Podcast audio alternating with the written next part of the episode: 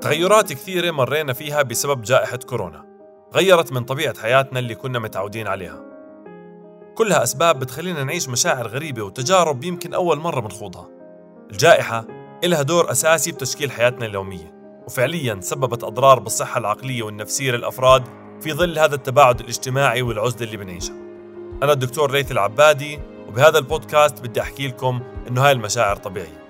وفي أساليب كثير ممكن نتبعها لنتخطى هاي المرحلة الصعبة. رح أساعدكم وأول خطوة هي أن نفهم هاي المشاعر. في بودكاست سكون رح نحكي بالتفصيل عن عدة مواضيع زي التعامل مع ضغط الأهل السيطرة على سلوك الأطفال التعامل مع الصعوبات الاقتصادية وتغير طبيعة بيئة العمل.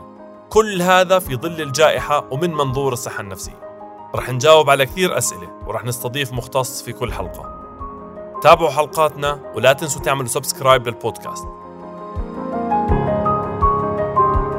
تم إنتاج هذا العمل بالتعاون مع الجمعية الملكية للتوعية الصحية وبدعم من مؤسسة السكري العالمية